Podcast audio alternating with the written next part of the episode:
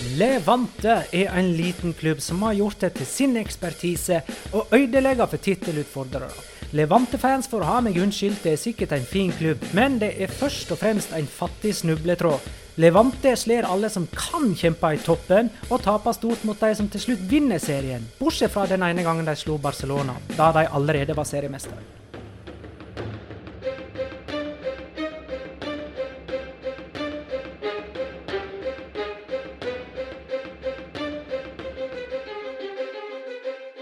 Hei, dette er La Liga Loca sin ellevte av 20 spesialepisoder der den kommende La Liga-sesongens lag blir gjennomgått episode for episode. Og nå Levante fra Valencia. Hva er det første du tenker på da, Petter? 100 kilo full spurt. Mer om det i den heldige treenighet.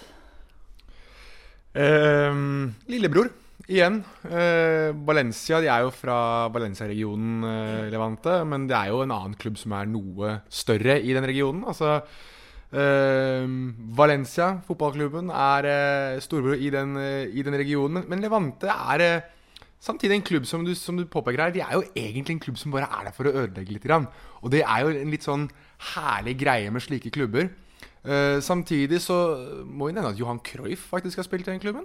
Eh, så det er eh, en del eh, morsom historikk når vi snakker om Levante.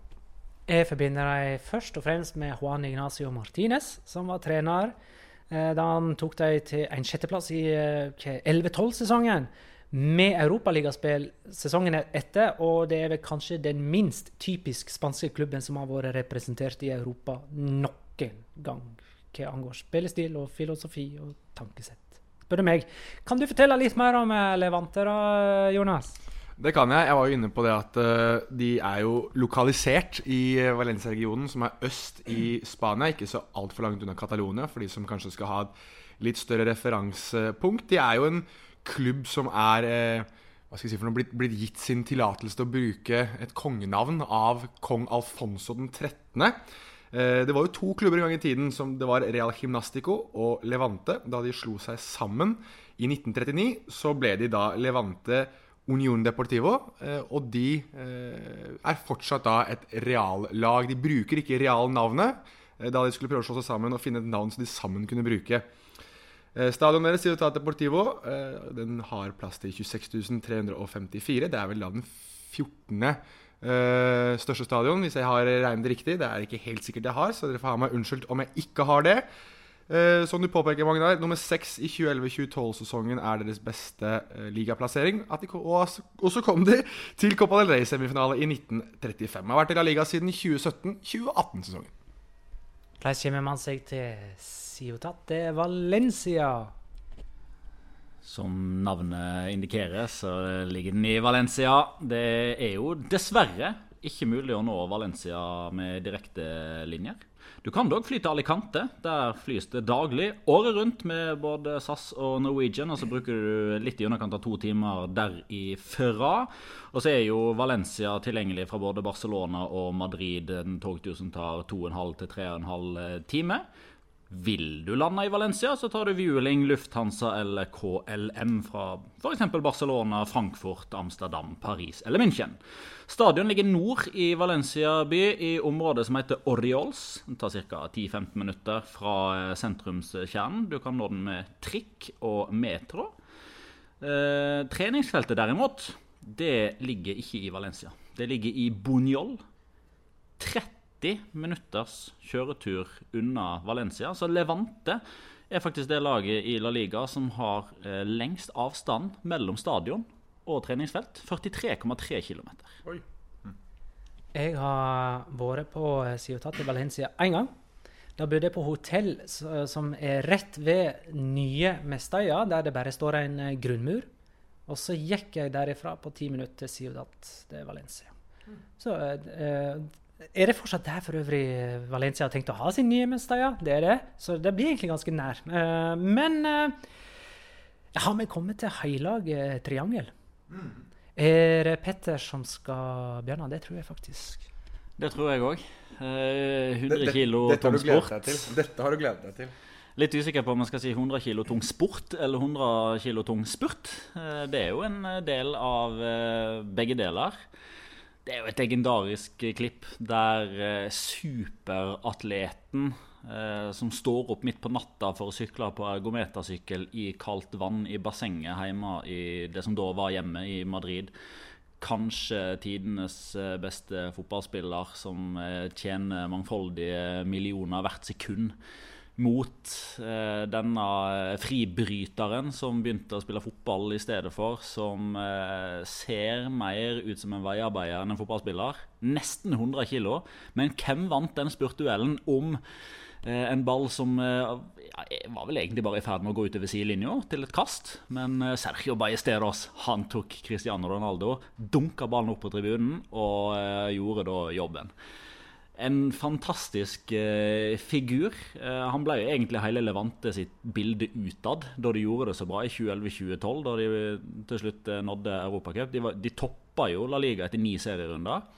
Og da hadde de altså et stoppa par som var til sammen 70 år, der det er backrekka som var til sammen 130 år.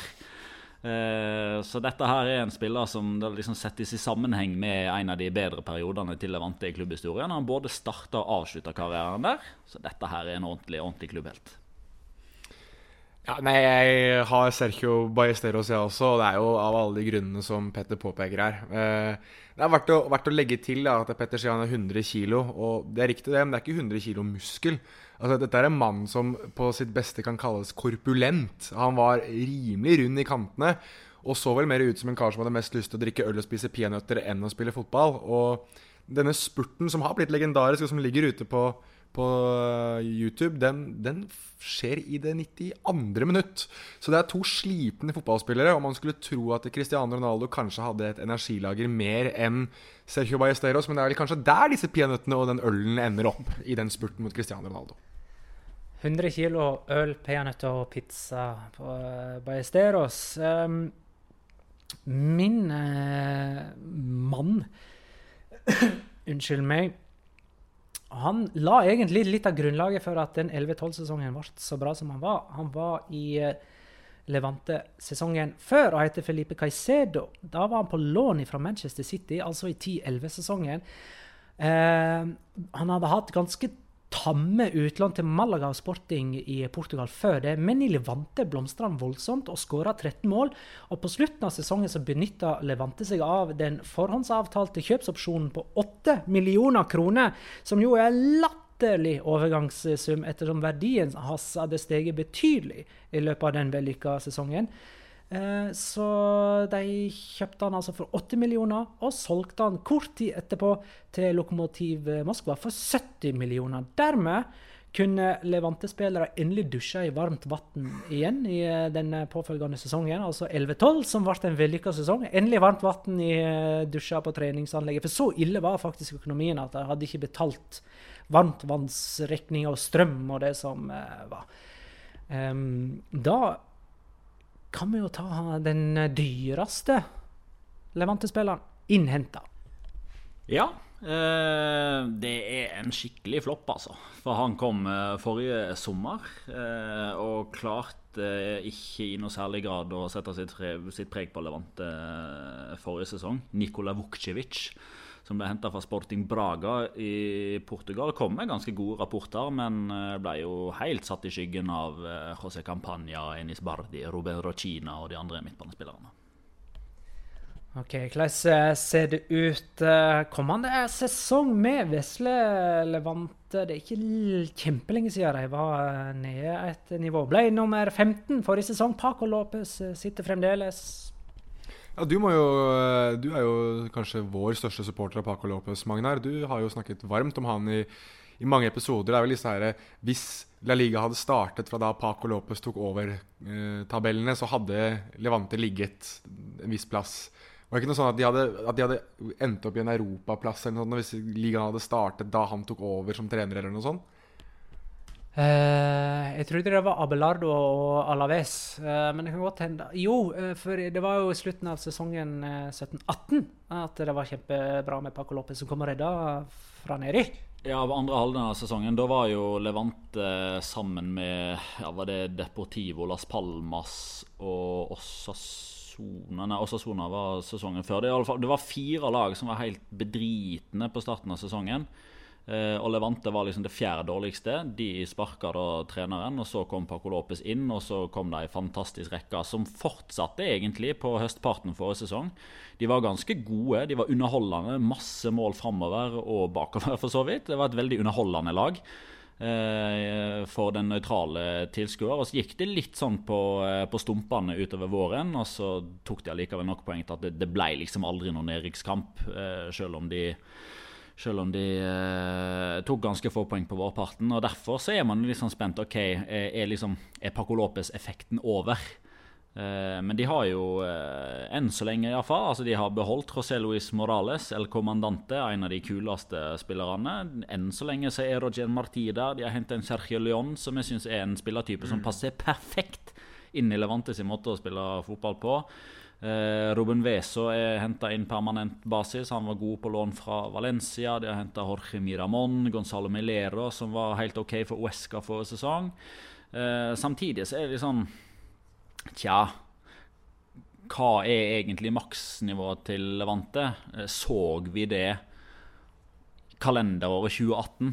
Eh, I så tilfelle, klarer de å nå det nivået igjen, så kan de kjempe om en plass i Europa. Det tror jeg ikke er kommet til å skje, for å være helt ærlig. Nei, jeg er uh, for så vidt veldig enig i det. Uh, men jeg syns du har et veldig godt poeng her, Petter, når du nevner at veldig mange av de bærebjelkene i laget deres, spesielt forrige sesong, fortsatt er i, i, laget. Det er jo et lag som begynner å kjenne hverandre veldig veldig godt nå, og som jeg synes har um, De forsterker seg som regel ganske bra når de mister spillere også. Altså, Jefferson Lerma gikk jo for veldig, veldig mye penger til Bournemouth. Og de har jo ikke merket noe særlig at han har vært borte. Og de har vel strengt tatt, ettersom du var inne på dette med Filipe Caicedo, de har vel sikra klubbdriften i 20 år framover bare med det salget der. Så, så det er en klubb som eh, er godt forskodd, egentlig. Men jeg tror ikke de kommer til å være med og kjempe om noen eh, europacupplasser. Jeg tror heller at det er nedre midt, midt, som er rundt der de eventuelt kommer til å ligge. Kanskje kjempe mot nedrykk mot slutten. Jeg vet ikke. Det er, det er en klubb som er litt vanskelig å gjøre seg klok på. Og så er det litt det hvor lenge varer Paco Lopez-effekten. da. Eh, er han en trener som kan være med å skape noe à la noe José Luis Mendelibar har gjort og holder på å gjøre i Eibar, eller er det en trener som etter halvspilt sesong ligger bånn sist og får sparken? Eh, det er litt sånn uvisst fortsatt, føler jeg, rundt, rundt han. Ja, Det kom jo på det nå at uh, det var da de slo Barcelona 5-4 uh, på våren 2018. Eh, da var ikke det så lenge siden at Paco Lopez hadde tatt over. Eh, og det var det eneste tapet til Barcelona den sesongen da de jo gikk for å bli tidenes første ubeseira lag på en i, alle fall mens serien har bestått av 20 pluss lag. Levante er jo en mini lillebror av eh, Valencia. Men det er jo eh, et lag som likevel gir Valencia kamp i disse byderbyene.